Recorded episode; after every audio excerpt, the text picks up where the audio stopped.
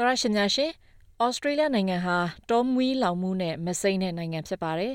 2019-2020နွေရာသီတုန်းကဖြစ်ခဲ့တဲ့တောမီးလောင်မှုကို Black Summer လို့တောင်တင်စားခေါ်ခဲ့ကြပြီးအဲ့ဒီတုန်းကမြေဟက်တာပေါင်း24တန်းဒါမှမဟုတ်ဧကပေါင်းတန်း60နီးပါးလောက်မီးလောင်ကျွမ်းမှုဖြစ်ခဲ့လို့ကမ္ဘာသတင်းမီဒီယာရဲ့ထိပ်ပိုင်းမှာဖော်ပြမှုလုပ်ခဲ့ကြပါတယ် ဒီနှစ်ကမ္ဘာမြောက်ပိုင်းဖက်နွေရာသီမှာလဲအပူတွေပြင်းထန်တဲ့အတွက်မြောက်အမေရိကတိုက်ဥရောပနဲ့တရုတ်နိုင်ငံတွေမှာလဲမီးလောင်မှုကြီးတွေဖြစ်ပေါ်နေပါတယ်လွန်ကဲတဲ့ရာသီဥတုအခြေအနေတွေဟာကမ္ဘာပူနွေးမှုကနေရာသီဥတုပြောင်းလဲမှုတွေဖြစ်ပြီးတော့အဲ့ဒီလိုပူနွေးမှုတွေဟာလူတွေရဲ့လှုပ်ဆောင်မှုကြောင့်လဲတစိမ့်တစ်ပိုင်းဖြစ်နေရတယ်လို့ပြောပါတယ်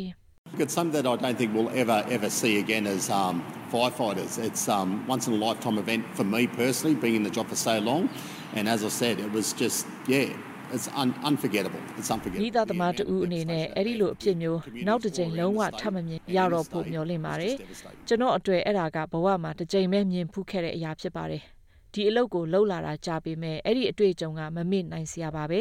လူမှုအတိုင်းဝိုင်းအတွက်ကြံခဲ့တဲ့အပြစ်စီးတွေဟာပြည်내အတွင်းမှာရောတခြားပြည်내တွေမှာပါအများအပြားပဲကြံတာကိုကြည့်ပြီးတော့အင်မတန်ကိုစိတ်မကောင်းဖြစ်ရတယ်လို့ပြောသွားခဲ့ပါတယ်။အဲ့ဒီလိုပြောဆိုခဲ့သူကမိုဟာဒက်ဖြစ်ပါတယ်။ သူဟာ New South Wales ပြည်နယ်က Busby မိသားဌာနက အတွေ့အကြုံရှိတဲ့မိသားသမားဟောင်းဖြစ်ပြီး2019-2020ခုနှစ်မှာ ကြုံတွေ့ခဲ့ရတဲ့ တောမီလောင်မှု အတွေ့အကြုံကို ပြန်ပြောင်း ပြောပြခဲ့တာဖြစ်ပါတယ်။တကယ်တော့2019ခုနှစ် နွေရာသီကျရင်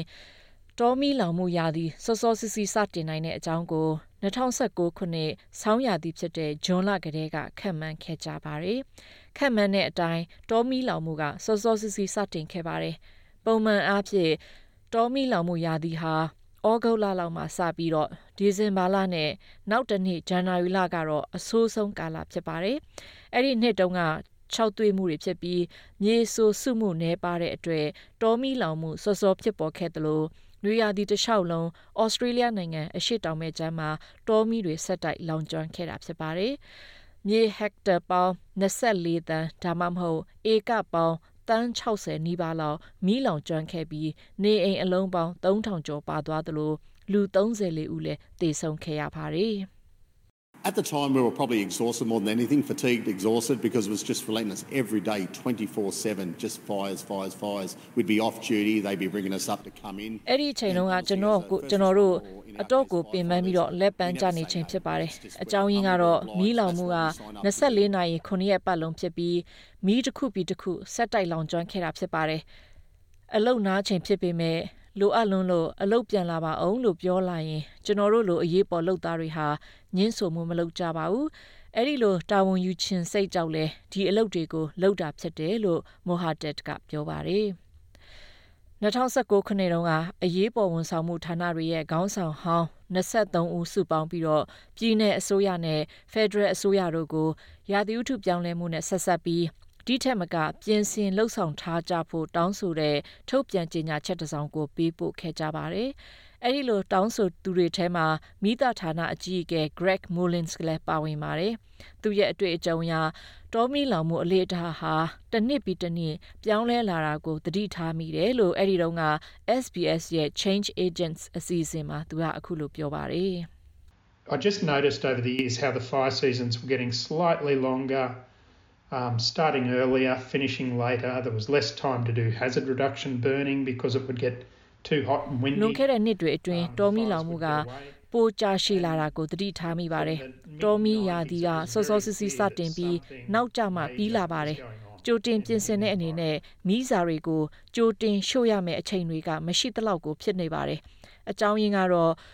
ကြိုတင်မီးရှို့ဖို့ပူလွန်းတာတွေဒါမှမဟုတ်လေတိုက်လွန်းလို့တော့ကြမထိန်နိုင်တဲ့အခြေအနေဖြစ်သွားမှာဆိုလို့ကြိုတင်မီးမရှို့ခဲ့ရတာမျိုးတွေဖြစ်ရပါတယ်။အဲ့ဒီလိုအပြောင်းလဲမျိုးကို 1900ပြည့်နှစ်အလယ်ပိုင်းလောက်ကနေတိတိတသားတဘာဝပတ်ဝန်းကျင်မှာတစ်ခုပြီးတစ်ခုဖြစ်နေပြီဆိုတာစတင်တတိထားမိခဲ့တယ်လို့ပြောပြပါတယ်။သူဟာ Churchy Fellowship အနေနဲ့ American နိုင်ငံကနေဒါပြင်သစ်နဲ့စပိန်နိုင်ငံတို့ကိုတွားရောက်ပြီးတော်မီလောင်မှုထိန်းသိမ်းရေးအာဏာပိုင်တွေနဲ့တွဲဆုံဆွေးနွေးမှုလုပ်သလိုသိပ္ပံဆိုင်ရာတွေ့ရှိချက်တွေကိုလည်းရယူပြီးတော့ ဒါတွေကကဘာပေါ်ဘယ်လိုတက်ရောက်မှုဖြစ်နေပြီလဲဆိုတာတွေကိုလေ့လာခဲ့ပါတယ်။အဲဒီလိုနဲ့2019ခုနှစ်မှာမိသားဌာနအတွက်အရင်းအမြစ်တွေပုံမရရှိဖို့နဲ့တောမီလောင်မှုကိုကြိုတင်ကာကွယ်ပေးနိုင်မဲ့နည်းလမ်းတွေကိုအကောင့်ထဲဖော်နိုင်အောင်အရေးဆိုပေးမဲ့အဖွဲ့အစည်းတစ်ခုကိုဖွဲ့စည်းလိုက်ကြပါတယ်။တောမီလောင်မှုကြီးမဖြစ်ခင်လပိုင်းအလိုမှာပဲ Emergency Leaders for Climate Action ကိုဖွဲ့စည်းခဲ့ပါတယ်။ We tried to warn the Prime Minister from April 2019 that a bushfire catastrophe was coming and we were just dismissed as troublemakers um we got အဲ့ဒီတုန်းကတော်မီလောင်မှုကြီးကြီးမားမားဖြစ်နိုင်တဲ့အကြောင်းကျွန်တော်တို့ဝန်ကြီးချုပ် Scott Morrison ကိုဧပြီလမှာစတင်သတိပေးခဲ့ပါတယ်။ဒါပေမဲ့ကျွန်တော်တို့ကိုပြဿနာအကောင်ဖြစ်လို့သာရှုမြင်ခဲ့ကြတာပါ။အဲ့ဒီတုန်းကဒုဝန်ကြီးကလည်းကျွန်တော်တို့ကို မြို့ထဲမှာကော်ဖီလက်ထဲတောက်ရင်းနဲ့ပြဿနာရှာတဲ့အယူတွေလားဘာလားဆိုပြီးတော့ခေါ်ဝေါ်ခဲ့တာမျိုးခံခဲ့ရဖူးတယ်လို့ပြောပါတယ်။တကယ်တော့မိသားဌာနအရာရှိဟောင်း9ဦးတင်ပြတဲ့တပ်သေးတွေဟာမှန်ကြပြီးတော့ရာဒီဥထုပြောင်းလဲမှုနဲ့တောမီလောင်မှုကဆက်ဆက်နေတယ်ဆိုတာကိုမိမောင်းထိုးပြနိုင်ခဲ့ပါတယ်။ World Weather Attribution ဆိုတဲ့ကမ္ဘာသိပ္ပံပညာရှင်အသင်းတစ်ခုဟာရာသီဥတုပြောင်းလဲမှုကြောင့် လွန်ကဲတဲ့ရာသီဥတုဖြစ်စေတာကိုလေ့လာတဲ့အဖွဲ့ဖြစ်ပြီးသူတို့ရဲ့လေးလာမှုအရာအဲ့ဒီနှစ်ခုဟာဒွန်တွဲနေတယ်ဆိုတာအငင်းပွားဖွယ်မရှိဘူးလို့အဲ့ဒီအဖွဲ့မှာပါဝင်သူနယ်သာလန်မိုးလေဝသဌာနက Easydai Pinto ကပြောပါတယ် In terms of heat waves more often we see that every study that we do we see the fingerprint of climate change uh, in in intensifying this type of events of heat waves အပူလှိုင်းနဲ့ပတ်သက်လာရင်လေ့လာမှုတိုင်းကရာသီဥတုပြောင်းလဲတာနဲ့အမျှပိုပြီးတော့အပူလှိုင်းလွန်ကဲမှုဖြစ်လာတာကိုမြင်ရပါတယ်။အဲဒီတော့လူတွေရဲ့လှုပ်ဆောင်ချက်ဟာရာသီဥတုပြောင်းလဲမှုရဲ့ဖြစ်ပေါ်မှုနှုန်းနဲ့ပြင်းထန်မှုအပေါ်တက်ရောက်မှုရှိနေတယ်ဆိုတာရှင်းရှင်းလင်းလင်းသိရတယ်လို့ပြောပါတယ်။အခုဆိုရင်ကမ္ဘာနိုင်ငံမြောက်ပိုင်းချမ်းမှာနွေရာသီဖြစ်နေပြီးအပူလွန်ကဲမှုတွေကိုခံစားနေကြရပါတယ်။ အမေရိကန်နိုင်ငံမှာဆောက်လုပ်ရေးအလုပ်သမားတွေနဲ့စိုက်ပျိုးရေးအသမားတွေတာမက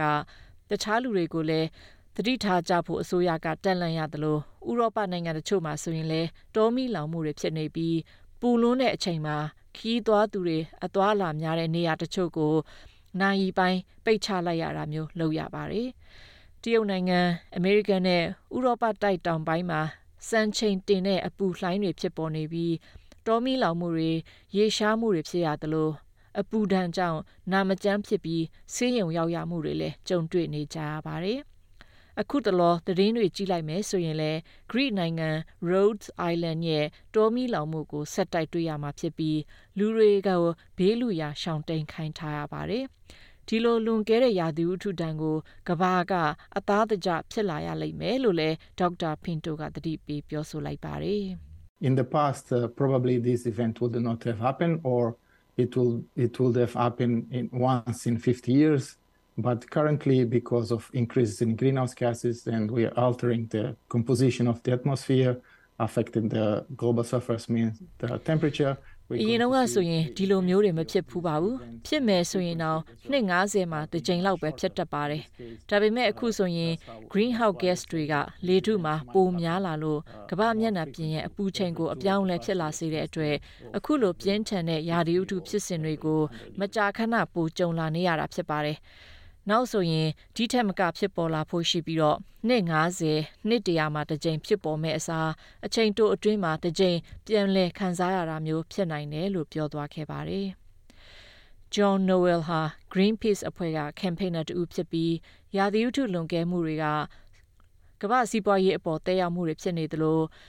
လူတွေရဲ့ရွှေ့ပြောင်းနေထိုင်မှုတွေနဲ့အစားအစာမလုံလောက်မှုတွေလည်းနောက်ပိုင်းမှာဖြစ်လာနိုင်တယ်လို့ပြောပါတယ်။ ဒီလိုအခြေအနေပိုဆိုးရတာဟာကြောက်ဖြစ်ရုပ်ကျွင်းကရတဲ့စွမ်းအင်တွေကိုထုတ်လုပ်တဲ့ကုမ္ပဏီတွေကြောင့်ဖြစ်ရတယ်လို့သူကပြောပါတယ်။အခုဆိုရင်စွမ်းအင်ကုမ္ပဏီတချို့ကကြောက်ဖြစ်ရုပ်ကျွင်းကရတဲ့စွမ်းအင်ထဲလေနဲ့နေစွမ်းအင်လို့ပြန်ပြစ်မြဲစွမ်းအင်ကိုပုံမရင်းနှီးမြုပ်နှံပြီးတော့ညဉ့်ညံကာဗွန်ထုတ်လုပ်မှုကို short ချဖို့ကြိုးစားနေကြပါတယ်။ BP ကုမ္ပဏီရဲ့ CEO Bernard Looney ကတော့ ပိုတန့်ရှင်းတဲ့စွမ်းအင်တွေလိုအပ်တယ်ဆိုတာမှန်ပေမဲ့အဲ့ဒါတွေကိုအလင်းစလိုမလုပ်သင့်ပဲဟန်ချက်ညီညီနဲ့လုပ်ပြီးတော့စွမ်းအင်ကိုအဆက်မပြတ်အသုံးပြုနိုင်အောင်ဆောင်ရွက်ရမယ်လို့ပြောဆိုလိုက်ပါတယ်။ကုလသမဂ္ဂအထွေထွေအတွင်းရေးမှူးချုပ်အန်တိုနီဂူတရက်စ်ကကဘာပူနွေးတဲ့ကာလ global warming ဟာပြီးဆုံးသွားပြီးတော့ကဘာဆူပွဲ့တဲ့ကာလ global boiling ကိုရောက်ရှိသွားပြီလို့ပြောဆိုလိုက်ပါတယ်။ကမ္ဘာမိုးလေဝသဌာနရဲ့အချက်လက်တွေအရ2023ခုနှစ်ဇွန်လလဟာမှတ်တမ်းတင်ထားတဲ့လူသမိုင်းတစ်လျှောက်လုံးမှာပူပြင်းဆုံးလဖြစ်တယ်လို့ဖော်ပြထားပါတယ်။ဒီလိုကဘာကြီးပူနွေးမှုဟာလူသားတွေရဲ့လောက်ရကြောင်ပါဝင်နေဆိုတာကိုဒေတာအချက်လက်တွေကရှင်းရှင်းလင်းလင်းပြသနေတယ်လို့လည်းပြောပါတယ်။ကမ္ဘာအပူချိန်ကိုကန့်သတ်နိုင်ဖို့အတွက်နိုင်ငံခေါင်းဆောင်တွေလှုံ့ဆော်ကြဖို့လဲအန်တိုနီဂူထရက်စ်ကတိုက်တွန်းလိုက်ပါတယ်။ leaders must lead. No more hesitancy, no more excuses, no more waiting for the others to move first. There is simply no more time for that. ခေါင်းဆောင်တွေဥဆောင်ကြရတော့မှာဖြစ်ပါတယ်။အချိန်ဆွဲနေတာတွေအကြောင်းပြချက်ပေးနေတာတွေမလုပ်သင့်တော့ပါဘူး။တခြားလူတွေအရင်လှုပ်ဖို့လဲမဆောင်ဆိုင်ကြပါနဲ့။အဲ့လိုလှုပ်ဖို့အချိန်ကိုမရှိတော့တာပါ အပူကဘာအပူချိန်ကို1.5 degree celsius ထက်မတက်အောင်ထိန်းထားဖို့အချိန်မိပါသေးတယ်။အဲ့ဒီလိုလှုပ်ထားနိုင်မှရာသီဥတုပြောင်းလဲမှုရဲ့အဆိုးဆုံးဒဏ်ကိုရှောင်ရှားနိုင်မှာဖြစ်ပါတယ်။ဒါပေမဲ့ရာသီဥတုပြောင်းလဲရေးနဲ့ပတ်သက်ပြီးတိတာတဲ့လှုပ်ရှားမှုတွေကိုချက်ချင်းလုပ်မှရမှာဖြစ်တယ်လို့ပြောဆိုခဲ့တဲ့အကြောင်းတင်ဆက်လိုက်ရပါတယ်ရှင်။ကျွန်မကမူလှိုင်းသိမ့်ပါ။